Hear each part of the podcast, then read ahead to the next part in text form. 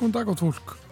Þá er samfélagið parað að stað þennan miðvíkudag 8. november og það eru Guðmundur Pálsson og Artildur Háldánardóttir sem eru umsjónuminn. Já, mikið rétt og nóg framöndan hjá okkur í dag.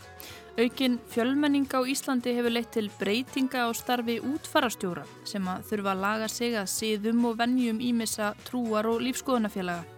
Nýlega held samráðsvettvangur trúfélaga ráðstefnu þar sem fjallað var um þessa útfarasiði. Rúnar Germundsson er með 30 ára reynslu í fæinu og við heimsækjum útfarastofu hans og ræðum við hann um breyta tíma. Við ætlum að setja upp síndar veruleika glerugu og eftir og kynna okkur nýjan hugbúnað sem er kallað Arkjó og með honum er hægt að hanna allskynns rými og umhverfi eins og maður sé í raun hluti af hönnuninni eða standi innan í hönnuninni. Þetta er mjög áhugavert og gaman að fá að kynast þessu. Heyrum er þá eftir. Við ætlum að tala við Hilmar Gunnarsson, stopnanda og forstjóra Arkjó. Við heyrum svo málfarsminútu og svo kemur hún Edda Olgudóttir til okkar í vísindaspjall í lok þáttar.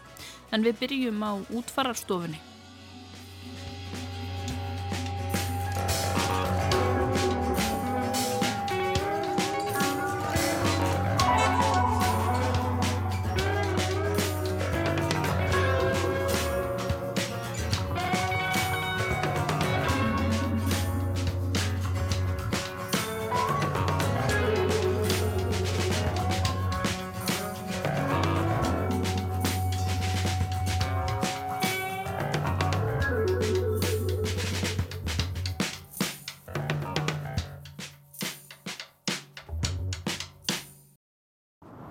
Já, þá erum við komin hingað upp á höfða og hér er útfarastofa sem lætunur endar ekki mikið yfir sér.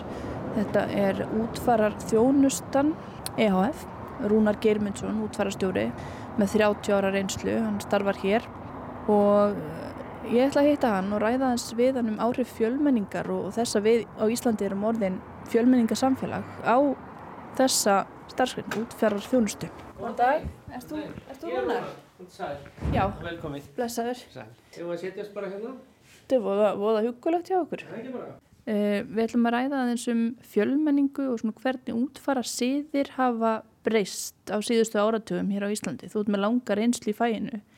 Hvernig fórst þú fyrst að vera var við að áhrif þessa að fólk á fjölbreyttari bakgrunn en, en var hérna í fyndinni? Já, þetta er rétt. Sko þegar ég byrjaði 1983 þá var mjög mikið bara um það að þetta var ofsalega hefðbundi. Það var bara kirkjan, þjóðkirkjan sjá um allar jarðafarir og prestar og prestarnir ákvaðu stund og stað með aðstátendum í kirkju og síðan var þetta sungnir, ég byrjaði náttúrulega að syngja fljótlega í, í jarðafarum líka þá sko og þá voru þetta svona fjóri til sex sálmar sem voru sungnir í mesta lægi. Svo voru náttúrulega katholikar á Íslandi líka og, og einstakar svona ásatrúa jarðafarir og við gengum að þessu eh, nánast alltaf vísu sko. Síðan breytingarnar sem byrja að koma held ég að sé þegar við förum að taka móti sko flótafólki frá, frá Vietnam sem sumir voru á kynvesku vættum. Þá kom mjög svona sérstakir síður í, í, í útvæslu á atöfnum og, og fatnaði og, og líka hvað, hvað fólk vildi svona gera. Fólkið vildi sjálft yfirleitt ganga frá sínu lafna í kistu, þrýfa og klæða. Og þetta er það sem við gerðum áður sko.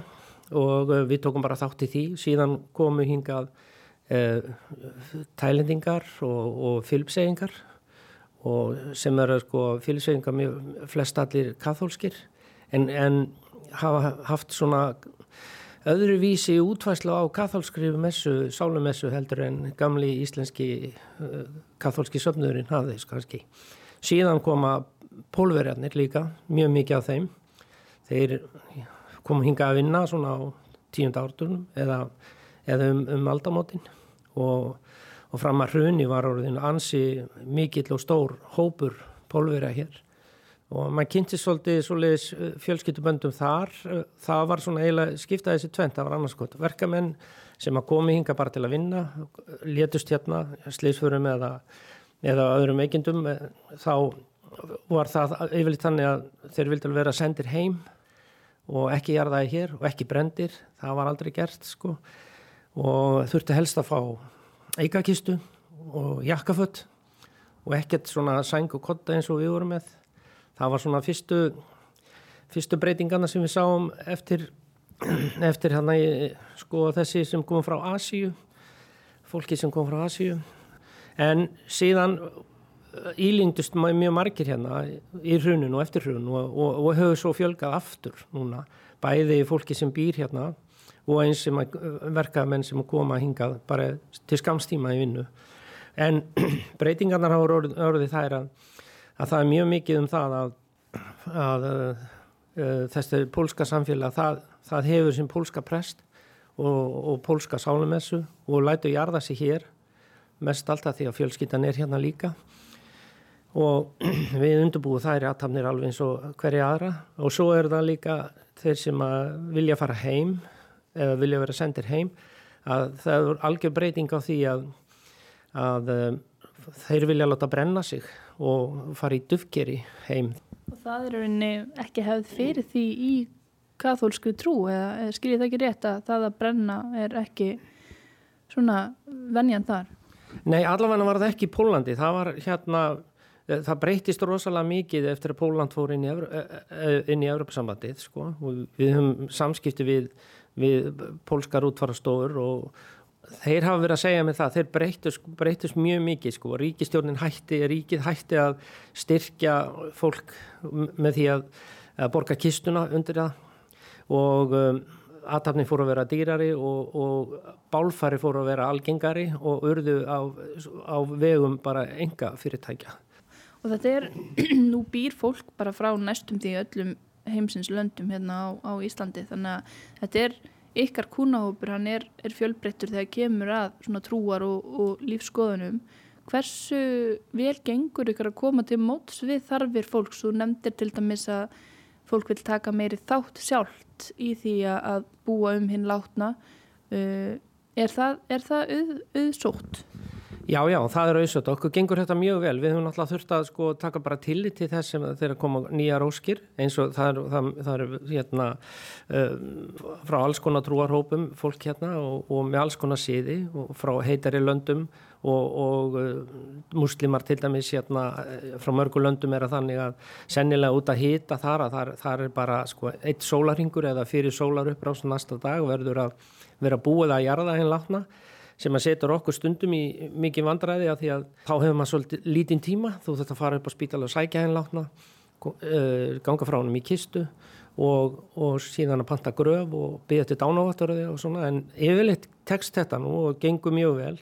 En muslimar og hindúar og fleiri vilja koma að því að ganga frá henn látna. Þannig að það sko raunverulega er það uh, mismunandi síðu sem við strax lærum inn á til dæmis hérna hjá muslim ef það deyri maður að þá sjá kallmennum það úr fjölskyldinni að ganga frá honum í kistu.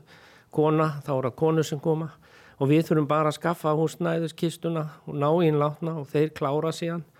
Og jafnvel hefur verið þannig að einn hérna, einn söfnuðurinn eh, hefur verið þannig að, að það er engin hverði aðtöfni í kirkju heldur er bara náði hinn látna sem, sem fljótt sem auðum á, auðum á og hérna kom með hann upp í upp í guðunis, sett kistan á búka og þeir opna kistuna þar og ganga frá á sinn hátt með smísli eða, eða einhverju svoleiðis og einhverju fötum sem legg yfir og síðan er það bara grafið gröfin tilbúin og kistan er landið síga og kallmennin mók yfir og þetta gerist bara á, á fyrsta sólarhingnum stundum finnst manni hérna þetta verður svolítið rætt og skrítið að því að venjanir var hjá okkur hér allavega áður fyrr að, að kisturlagninga voru kannski 3-5 dögum eftir andlátt og jarðaförinn halvumanni 10 dögum eftir það.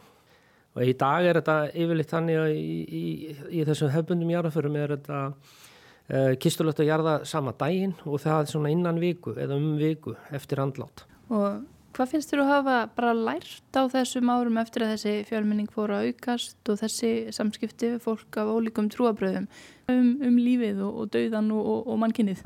Já, ég sé ekki betur en að, að það sé lítið munur á, á fólki hvaða trúabröðum sem er hvað þetta varðar þú berð virðingu fyrir, fyrir fóröldrunninum þér, ber að gera þetta við, við nánusta ættingja að, að jarða viðkomandi á sómasamlegan hátt með mikil verðingu og maður ber verðingu fyrir því Mér, okkur alveg sama hvernig útvarslan er hjá þeim sko, hvaða bænir þeir fara með eða ekki eða þeir sem eru fyrir utan trúfélag, það þarf að taka tillit til þeirra líka.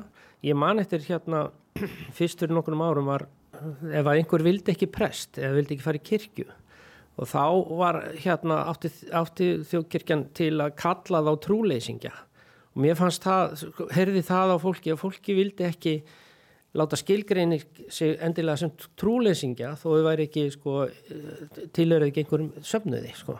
og þetta, þetta hefur breyst mikið og, og alveg horfið sko. og þau hefur jáfnvel verið með sko jarðafærir sko já, íslenska þjóðkirkjan og, og ásatrúamenn saman það, þau, við höfum verið með tvöfaldar jarðaför þar að segja það sem að kemur fram prestur og það sem kemur fram goði.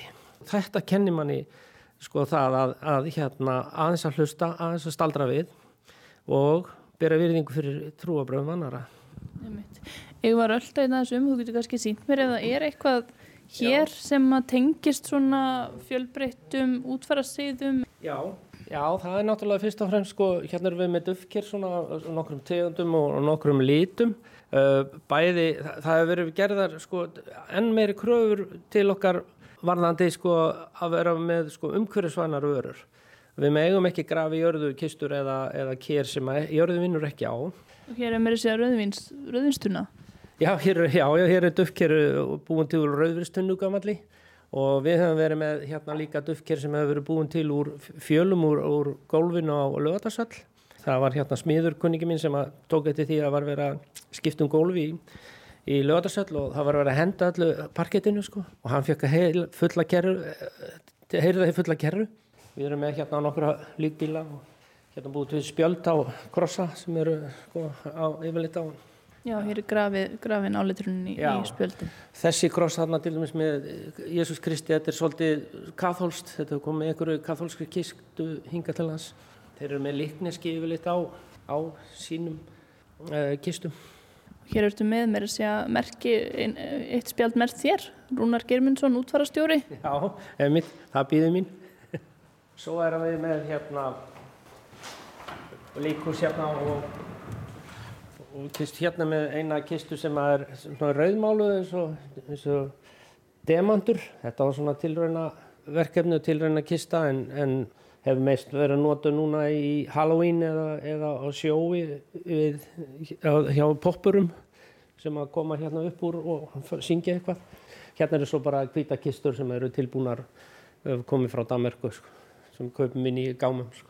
Það eru sko óháð trúabröðum og lífskoðunum þá er fólk sko sættir sig við kistunar, það er ekki vandamál, það er ekkert eitthvað sem er tengt kristi sérstaklega. Fyrst hérna eins og sér hérna fullt af krossum hérna, svona plastkrossum sem að hérna fyrst komu allar kistu frá Danmarku með krossi á enda og krossi ofan á loki og þeir voru síðan hættir að gera þetta því að það var ekkert all, allir sem vildu krossa kistur í Danmarku þannig þeir senda okkur núna bara strípaði kistur og krossana sér e, og við setjum það á ef, ef það þarf sko. og yfirleitt er eins og ég segi sko, við erum alltaf með hérna tilbúin uh, sængufött og, og, og líklæði sko. En mjög algengt er að fólk sé klætt upp sérstaklega elliheimilum bara í föttin sín og þau fara þá í þeim og, en síðan er það hitt að þessi hinn sér, sér söfnuðinir sko. þeir eru, vilja, eru auðvitað með fött sjálf og sinn búnað í kistuna sko en það er líka mismunandi mismunandi hvað fólk leggur mikið í það eftir trúabröðum sko. sumir vilja bara minimum, bara mjög lítið og uh, aðrir vilja eru með ákveðna tegund að fötum og jável fötu utanum föt sko. það er bara flóran Já, en það er ekkert sko ekkert, fólk sættir sig við að leita til svona hefðbundinnar útfarstofa á Íslandi fólk er ekkert farið að stopna sínar eigin eða sérst ólík trúfélag farin að stopna eigin útfarar þjónustur? Nei, það, ég held að sé bara út af fjöldanum hjá okkur sko. Það er bara til, til okkar er leitað það er að segja við vorum að reyna að vera óháðir trúarhópum til þess að geta synd öllum og þetta er náttúrulega fyrst og fremst uh, kunnískapur sem að hérna sem að veldu þess að fólk leita til maður eða þá spyrst út að við gerum þetta eins og þeir vilja hafa þetta. En það er, ég hef séð þetta til dæmis í bandaríkjunum, ég hef skoðað þar og annar staðar að þar eru sko sér útfaraþjónustur fyrir geðinga og sér fyrir sko söður-amerísk fyrirtæki og þeir eru bara með sitt fólk í þessum stórborgum sem ég hef séð sko. Við förum á síningar þar svo, svo, svo hittum fólk og þeir eru ofta að spurja að því hver, sko, hvernig þetta er sér á Íslandi en við erum bara svo fá að að ég held að það myndi ekki, ekki borga sig og hefur aldrei komið til tals. Og ja, þú fórst nýlega, þið vorum að tala um það, hérna, kollegar hérna áðan, að þegar þið færu til útlanda þá jafnvel þó það ætti að vera bara hérna, spánar, sólar, strandar frí með barnabötnum eða eitthvað sko og bötnum að þá stundum snýrist það upp í einhers konar úttektir á, á útfararsiðum hérna, líkbílum og, og krafhísum. Já, já, við gerum það. Það eru náttúrulega sko tvö, fyr, tvö félagsamtök. Það er Fiadifta sem er alþjóðlega samtök útfara stjóra og sem halda fundi einu svona ári og síðan er það EFFS sem er útfara stjóra í Evrópu og þar er haldi fundi svona tvissara ári og en það eru raunverulega útfara síningar um alla Evrópu í hverjum einasta mánuði og hérna, þetta var fyrst skipt sem við gerum núna og tókum bara batanböndu með líka. Þau, þau voru bara byrjum dorma meðan og við vorum í Valencia að skoða. Þú fórst líka til Indlands nýlega og hérna með, með myndir bara það, við getum kannski bara sest aftur og rætta, rætta þess um, um það. Já, já. Já, bæklingurinn líka, það er búið að gefa út bækling þar sem að ég farið yfir sér óskir svona algengar á síði já, já.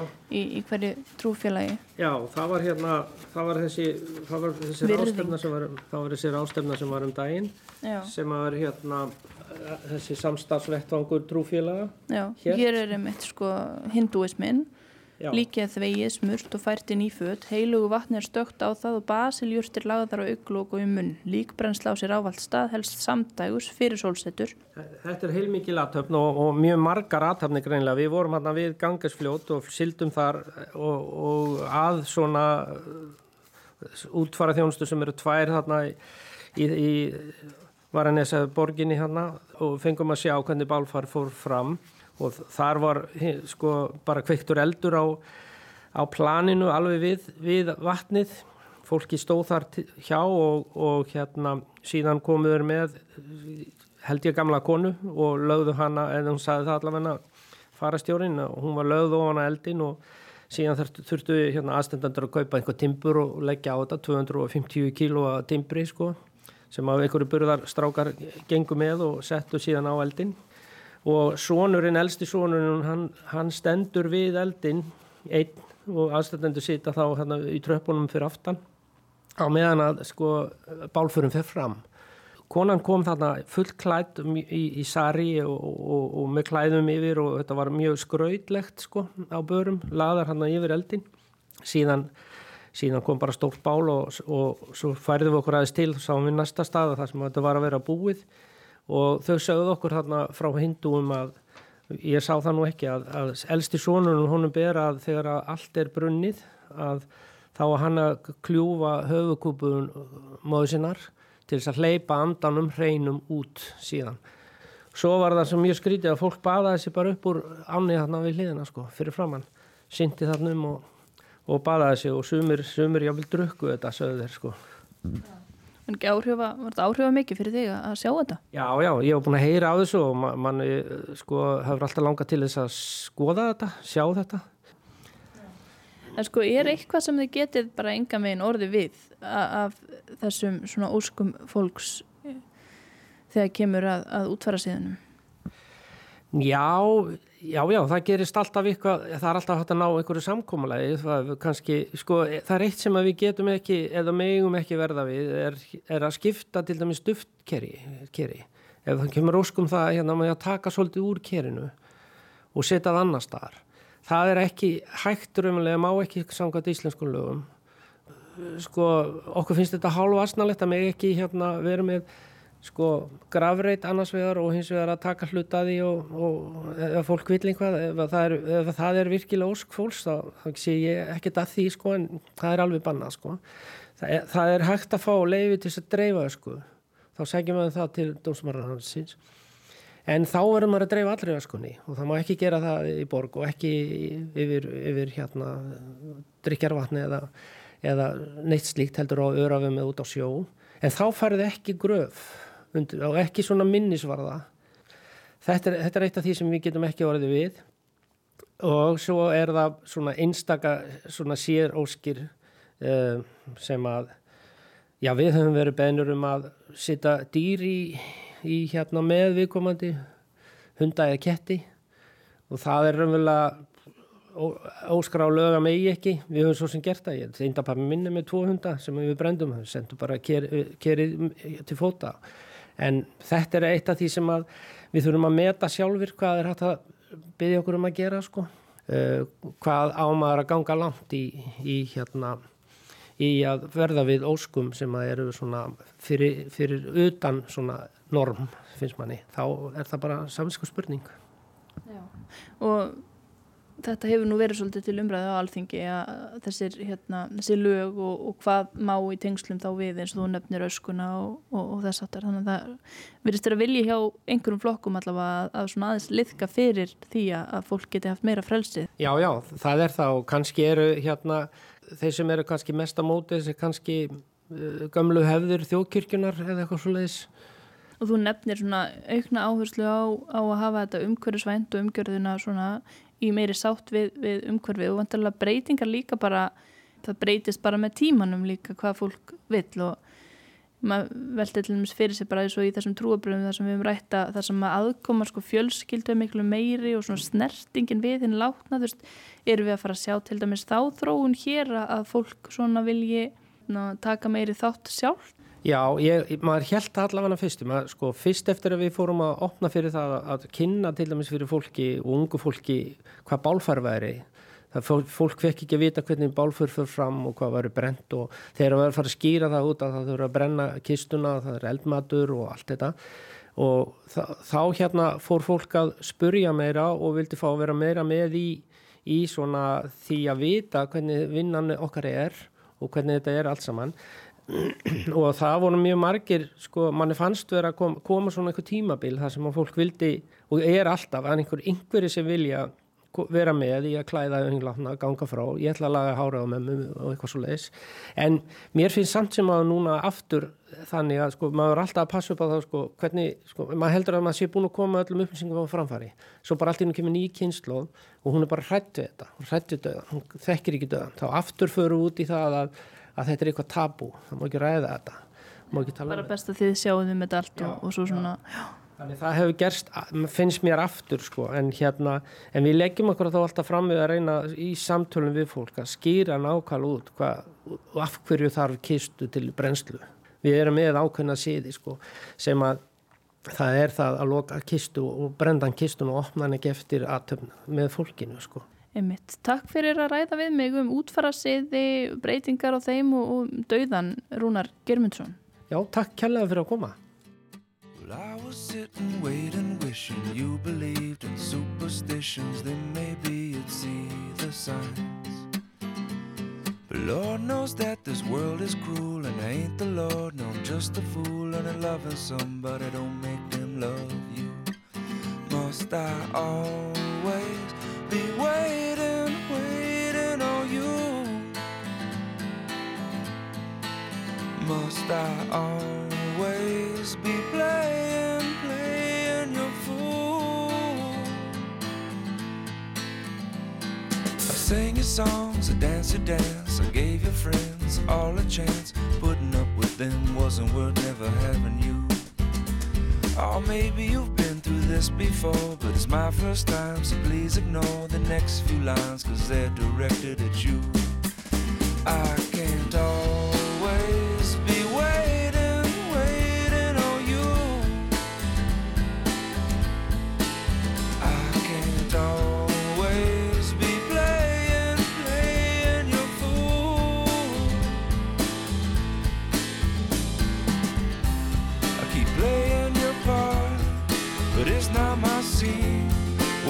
about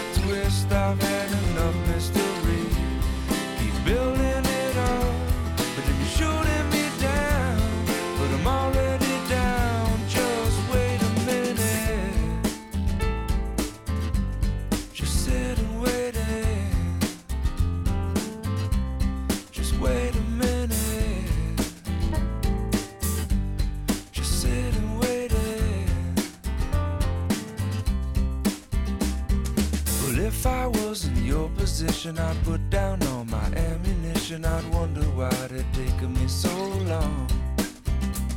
But Lord knows that I'm not you. And if I was, I wouldn't be so cruel.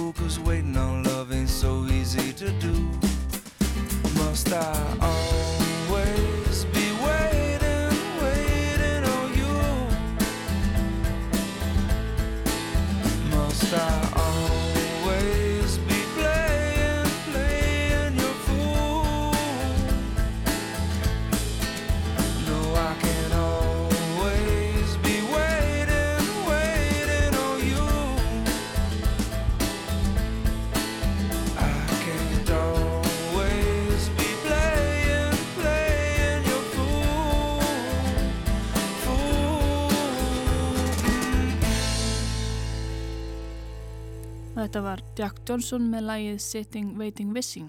En við höldum áfram með samfélagið. Það eru komin hérna nýri bæ og ég er hérna í húsi, gömlu húsi, kirkustrætti. Kirkjutorgir endar, þetta er sko Kirkjutorg 6, þetta er eitt hérna elsta tvílifta íbúrhús í Reykjavík, byggt 1860. Já, og það er kannski eitthvað viðandi við það að vera í þessu gamla húsi að velta fyrir sér framtíðinni og nýjastu tækni. Hilmar Gunnarsson eh, er hér, situr hér við eldursporið með mér. Og e, þið hafi verið að þróa tækni, hugbúnað um, sem gengur út á eh, að hanna umhverfi í síndaveruleika og viðbættum veruleika. Og þú ert sem sagt stopnandi og forstjóri Arkjó hvað getur þú sagt okkur um þetta? Þetta er, þetta er nýjasta tækni. Það er bara þannig. Og það með að vera búið til vettvang þar sem fólk getur unni saman í rauninni eða ekki? Og, og sett sér inn í rými eða umhverfi eh, og unnið að því að hanna það í saminningu Jú, sérst, Arkeo er uh, svona hugbúnaður sem erum búin að vinna núna í þó nokkur ár sem að við teljum vera byltingakendan fyrir arkitektúr og hverskins í rauninu hönnun, hverskins rýmis hönnun getur við sagt. Og með þessum hugbúnaði þá geta, getur fólk unnið saman við það að búa til og hanna borgarskipula byggingar eða bara hverskins rými. Um, fólk getur unnið saman hvar sem það er í heiminum Þetta virka bæði í síndarvöluleika glerum og líka bara vennilegum uh, símum, spjaltölum og vennilegum uh, bara tölvum. Og það sem að þetta þýðir er að hönnunaferlið við arkitektúr það verður miklu skilvirkara heldur en áður. Út af því í dag er verið að taka fullt af ákvörðunum í gegnum hönnunaferlið þar sem fólk er að horfa á myndir á tölvuskjám um, eða bara einfallega bara ákveðna grunnteikningar sem hefur blið prentar út. Það getur mjög erfitt, sérstaklega viðskiptafinni, átt að segja á hvað er verið að hanna, hvað er verið að skapa og oftar en ekki þá sko, þá kom upp allskins uh, bara, það kemur upp miskilingur í hönnunarferlinu, það er ekki allskins mistök, af því að fólk bara hefur ekki sömu sín á hver raunveruleg útkoma áttur að verða þegar búið að byggja byggingar. Og mér finnst til dæmis mjög merkilegt að, að því að nú er þessi tækni til uh, að það sé verið að gera stóra framgandir, töfum bara til dæmis nýja spítalan það sem er í mörg ár búið að vera rýna allskeins teikningar og myndir, þrývítar myndir til dæmis sem er búið að rendera af þessum spítala. En að mér vitandi hefur enginn sagt ekki um þetta ferli nú ætlum við bara að búið að lappa ekki um spítalan á hann byggur Þannig að hugsaður alla læknana, hjúgrunarfræðingana og bara fleiri fagæðala sem hafa verið að reyna að ímynda sér hvernig þessi spítalum mun virka og hvernig upplifun verður fyrir lækna eða sjúklinga að koma hann inn í staðin fyrir einfallega bara setja á sig glerugun og bara labba í gegn. Og þetta er hægt í dag. Það sem meira er, þú getur labbað í gegn og þú getur gert breytingar á meðan að þú ert að labba í gegnum þennan sín, þessa síndar útgáfa af spítalanum. Þannig að það gefur auðva leið að geta bókstallega upplifa rýmin áður en þau eru byggð, það lítur að hagspóta vera alla aðali í hönnunarferlinu. Þú fær miklu betri tilfinningu fyrir því sem áðaftar að skapa, þú getur áttaði á allskeins hlutum sem að geta verið betur, heldur en kannski þú sérð þegar þú horfur bara á einhverja tekningu á bladi eða á skjá.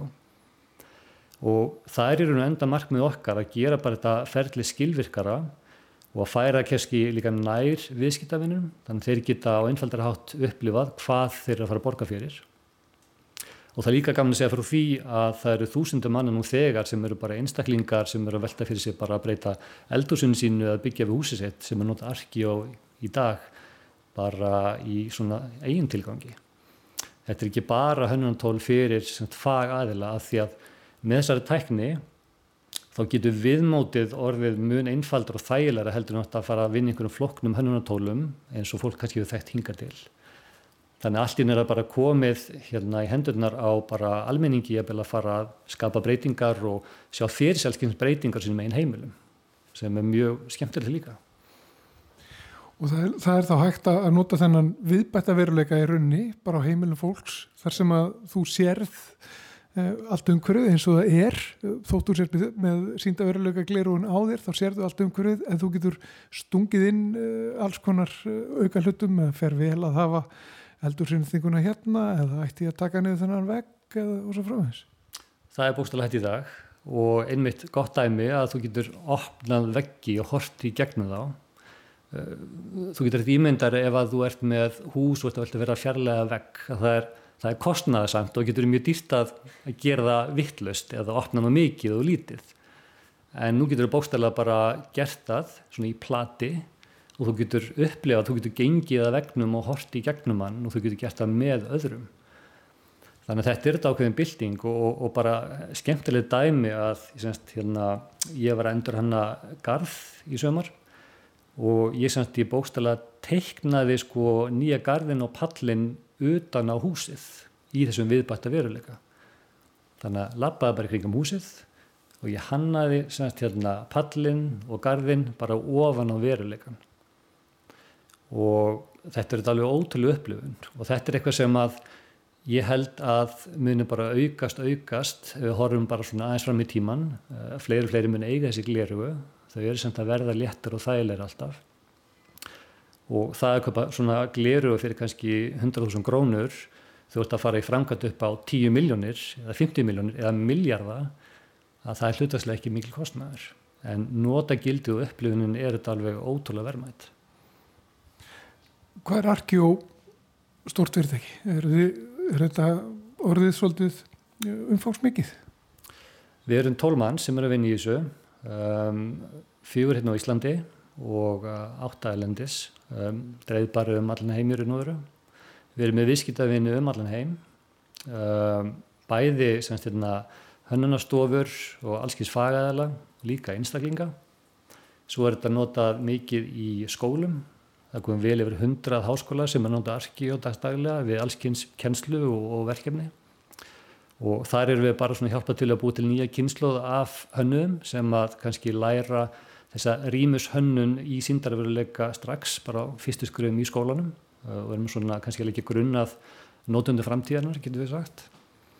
Þannig að hérna, við erum alþjóðlegt fyrirtæki eh, þó svo við séum ekki, ekki mörg en, en erum hérna að fara um víðanveld og erum í raun og veru eina fyrirtæki í heiminum sem er að búa til þessa laust þannig að þú getur unnið saman uh, í síndarveruleika og í þessum viðbættiveruleika að því að hanna arkitektur. Uh, og erum bara, já, einstök á því sviði. Ég var að setja okkur glerun og prófa. Endilega, að maður verður upplið þetta til að geta átt að sjá hvað þetta er merkileg upplifun.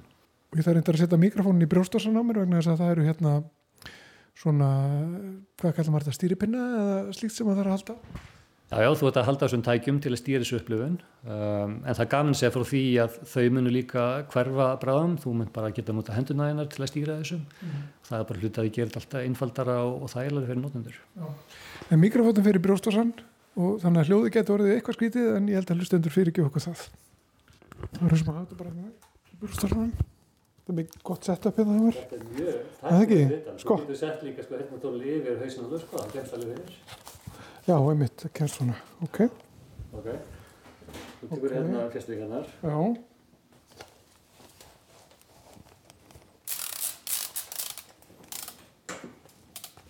Já, einmitt.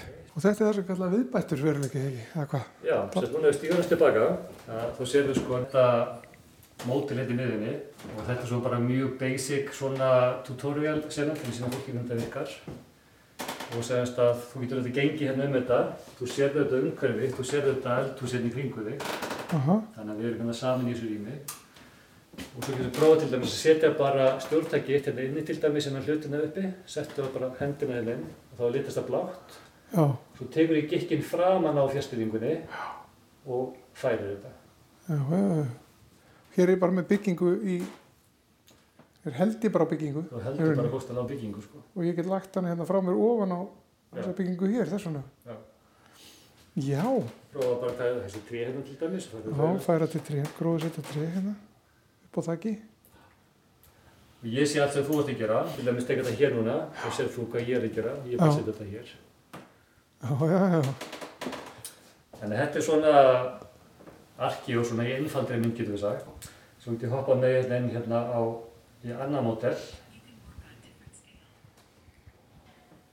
Og þá hérna sér við raun og veru öðruvísi mótel með aðeins meiri dítalum. Er svo með til dæmis hérna þessa litlu íbúð, þú ert með þessi húsgögn fljótað hérna um. Þú getur gert það sama hér, þú getur búist að lappa upp að þessu og tekið upp hérna húsgögnin, íbúðina prófa bara að taka eitthvað þessu og bara setja hérna niður á gólfið. Og svo getur maður unnið sérst í arkjói mismöndi skala. Núna sérst þetta að horfa þetta eins og þú sért mjög stór. En svo ef ég hoppa hérna niður, hingað, og kalla á þig til mín, já, þá er þessum komin hérna bara inn í íbúðuna. Sko. já, já, já, og þannig er einmitt stóllinn sem við lögum á gólfið hérna hann og að nú stöndum við bara inn í íbúðinni. já, Og ef ég horfi upp þá sé ég húsgögnin fljótandi hérna ofan okkur sem, að, sem við horfum ofan á áðan. Borgar sér ekki að ganga mikið um eða hvað ef ég ætla að hafa inn í herbyggið sko, þá reykjum á veggin á milli. Ef þú lappar, þá sko í raun og veru sér við lappið aftur til mín hérna Já, og sér við hvernig sko um raunveruleikin kemur inn sko. já, núna erum við bara ymmit. og svo stopparu, það sér Aha. aftur mótilið. Já, já, þannig að ég á í rauninni ekki geta reykið mig mikið á. Þó ég sé að ganga hérna um rýmið. Nei. Ef þú ítir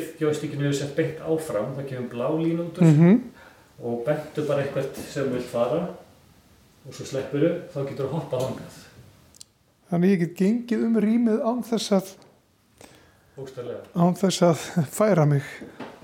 Og svo til að fara semst aftur upp í hinn skalan svo að stjáða, þá bara að gera saman og þú bendur bara beint upp í loftið, sleppir og þá ertu komin aftur það sem við vorum. Já, núna stendi hérna bara fyrir framann húsið, reyndar. Þú ert mjög stór hann að sé ég. Uh, og ég stendi hérna á bílaplaninu bara fyrir framann. Og nú ertu komin aftur til mín og þér aftur. Og nú við komin aftur. Þar sko. Það er mitt. Og svo er þetta að fara, þú veist, bæði frá að vera með svona senu, ég verið að vera kannski alveg með eitthvað miklu starra eins og til þess að þetta hér. En hér ertu bara komið bara heila hluta henni borg Já, hverfi bara.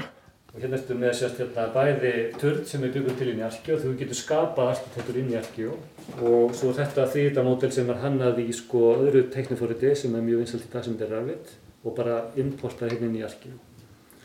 Og hérna getur þess að fara bóttalinn niður hérna á götuhornið, til dæmis staði hér.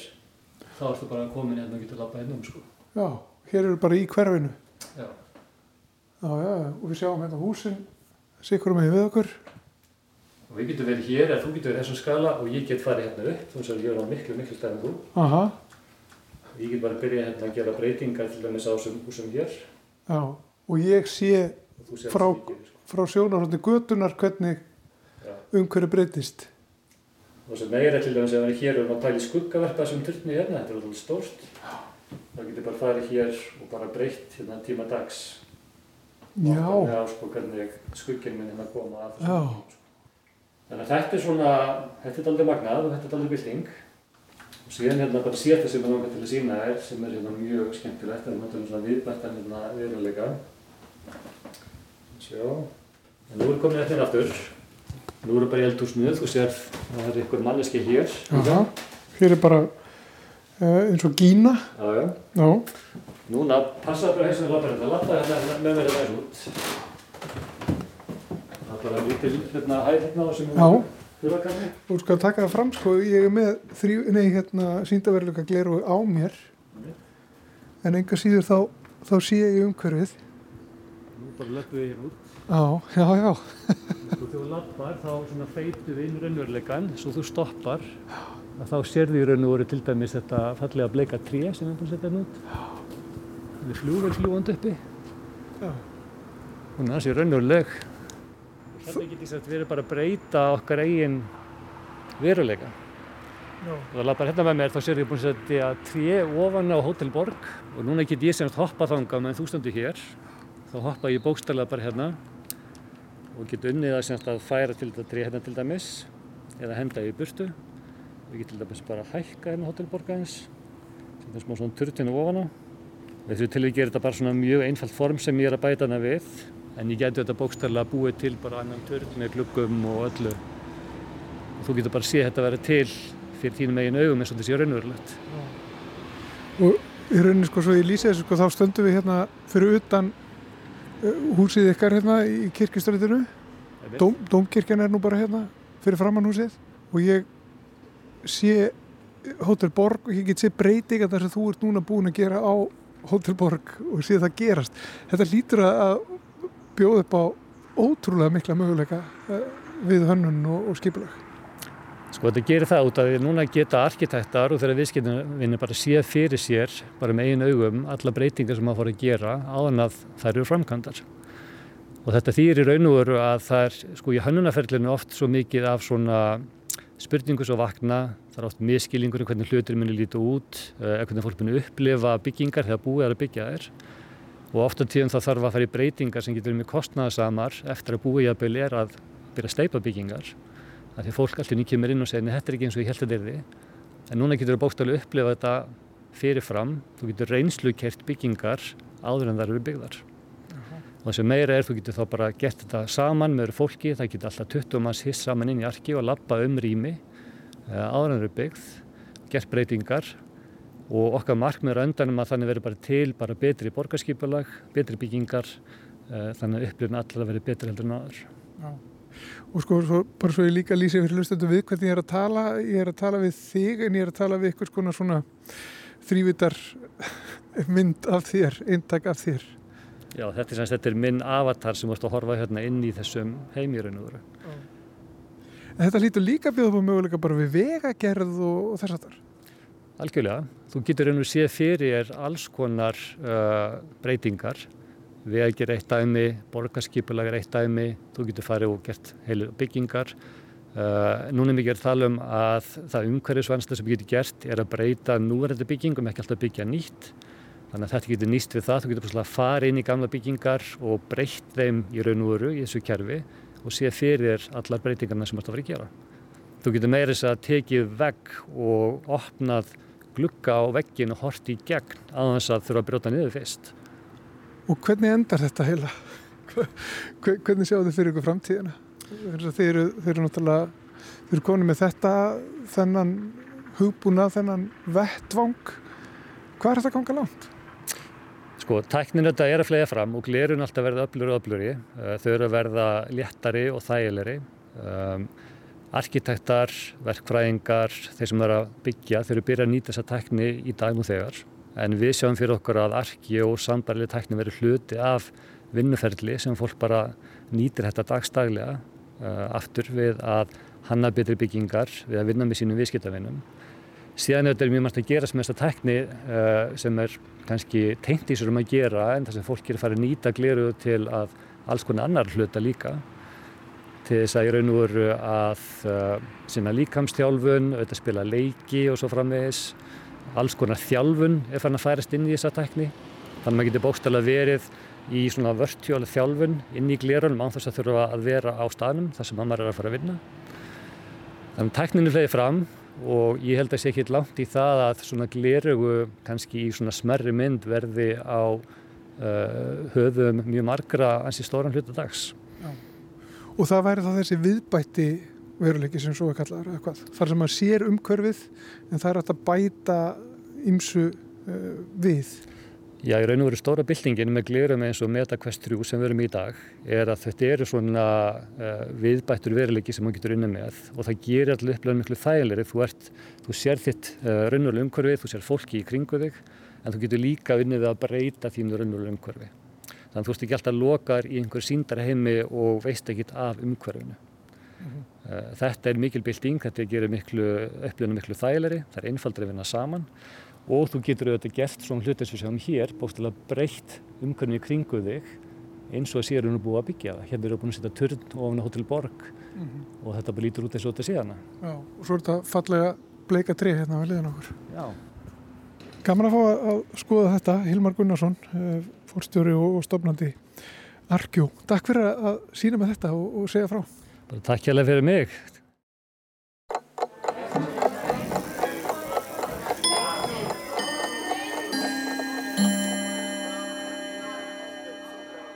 Personufornöfn hafa mjög óreglulega beigingu. Hlusti bara, ég, um mig, frá mér, til mín. Fjögur gjör ólík orð í fyrstu personu. Þú, um þig, frá þér, til þín. Önnur fjögur mismunandi orð í annari personu. Þrjú þeirra þó ekki svo ólík fyrstu personunni. Svo eru það þriðu personufornöfnin. Þau voru lengi vel þrjú, mismunandi orð með mismunandi útlitt og ólíkt form eftir beigingarmyndum. Hann um hann frá honum til hans, hún um hana frá henni til hennar og það um það frá því til þess. Fjórða personufornafnið hefur bæst í þriðu personuna og nú bregður svo við að það hefur mjög reglulega beigingu. Það er í kvorukinni og beigist eins og kvorukinsorðið lán, hán um hán frá háni til háns. Það er beiging sem er auðveldir að tilenga sér.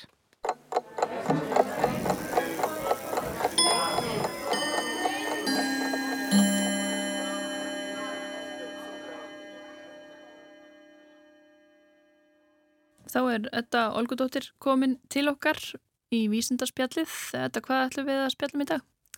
Herðu, við ætlum að tala um hérna, sjávarbakteríu sem að geta plast. Því við hefum svolítið talað um hérna, plast og plastmengun og hvernig sjórin okkar er bara fyllast af plasti og, hérna, og það er eiginlega alveg sama sko hvað við gerum núna þó okkur tækist það sko útrýma öllu þessu auka plasti í heiminum og, og, hérna, og þó við séum að reyna að reymbast við að vera ekki að henda því í sjóin að þá er sjórin samt hérna nú þegar rosalega mengar þannig að við þurfum sko bæði að, að stoppa flæðið í, í hérna af plasti en svo líka einhvern veginn, veginn að reyna að losa okkur við það sem er nú þegar komið mm -hmm. af því að það brotnar ekkit svo glatt niður Nei, við búum að tala um það hvað eru 2050 verði meira plast en, en fiskar. Já, þetta er mjög fallið spá mm -hmm.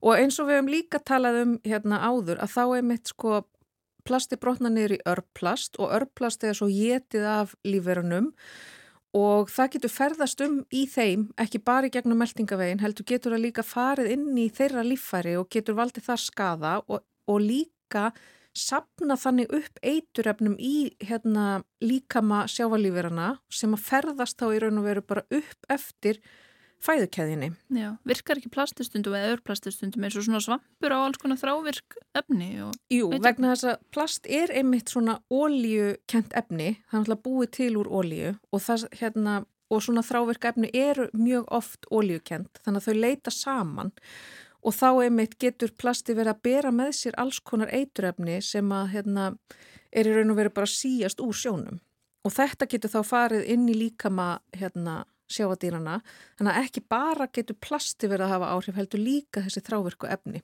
og þessi eiturefni.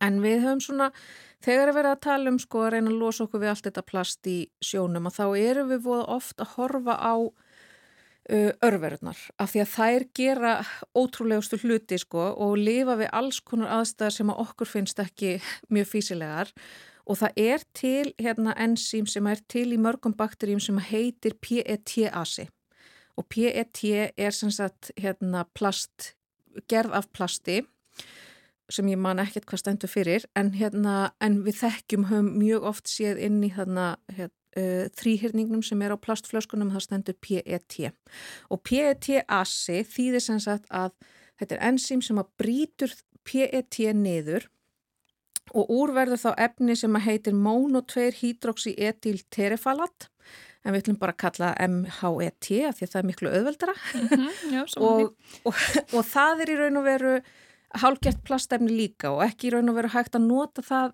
neitt mikið. En þegar að það er svo brotið niður í að næsta skref að þá verður til hérna, efni sem að heiti terefalat síra og svo glísiról etil. Og þessi tvö efni er hægt að nota sem svona bara hérna, kolvetnis gjafa. Þannig að það væri hægt að nota þessi efni til þess að byggja þá upp þar sem að aðra lífverður geta komið að og nota sem kolvetniskjafa. Og þannig að það er þá í raun og veru leiðin sem við myndum vilja fara, geta broti niður PET í MHET og svo fyrir það niður í kólefniskjafana sem gætu þá orðið að bara í raun og veru fóðri fyrir mögulega aðra sjávalífverur eða þá hérna, aðra lífverur á landi ef við gerum þetta á landi. Og þessi, hérna, þessi keðja, það sem að PET er brotið niður í, í glíseról, etil og, og hérna og hérna falatsýruna, terifalatsýru, að hún finnst í bakteríu sem heitir Idenoella sakiensis og þessi bakteríja var einangruð eh, á svona hérna, plastendurvinnslustöð og það er náttúrulega alveg brilljant að finna sér bara bakteríur þar af því það eru örverur allstaðar sko. Og það er náttúrulega hérna það var bara að vera að leita þenni í rauninni. Það var bara að vera að leita að bakteríu sem að gat farið þessa keðju af því okkur vant vantaði eitthvað til þess að brjóta niður plastið. En hún hérna lifir sko við hérna herbergishýta í þurru umhverfi þar sem er verið að endurvinna plast. Og, og hérna í sjónum, ef við myndum til dæmis sko vilja nota þessar bakterjur í sjónum þá þarf bakterja náttúrulega að þóla saltvatn. Hún þarf að þóla þær aðstæðar sem eru þar og jáfnvel þó að við myndum taka plastið úr sjónum að þá er ekkert mjög svona hérna, sjálfbært að taka allt plastið og þurfa svo að skóla það og þurka það til þess að geta svo brotið það niður. Þannig að, að hérna, rannsóknarhópur hérna, tók sig saman og prófaði að taka þessa eru í raun og veru reyndar bara fyrsta skrefi, þennan PET-ASA og erðabreita bakteríu sem að heitir Vibrio natriagens og hún þólir nefnilega salt. Hún, erðabreitu henni til þess að brjóta PET niður í MHET og, sá, og, og semst mældu hvort að hún gæti þá gert það í saltvatni sem er um það byrj 4% salt og sjórin er cirka hérna, 3% saltur. Og þau semst að sjá, sko í fyrsta lagi er hérna er svolítið stórt að geta erðabreitt þessari víbrióbakteríu vegna þess að það er ekki allar bakteríu sem eru alveg hérna, þú veist að miservitt að meðhandla er til að erðabreita þeim.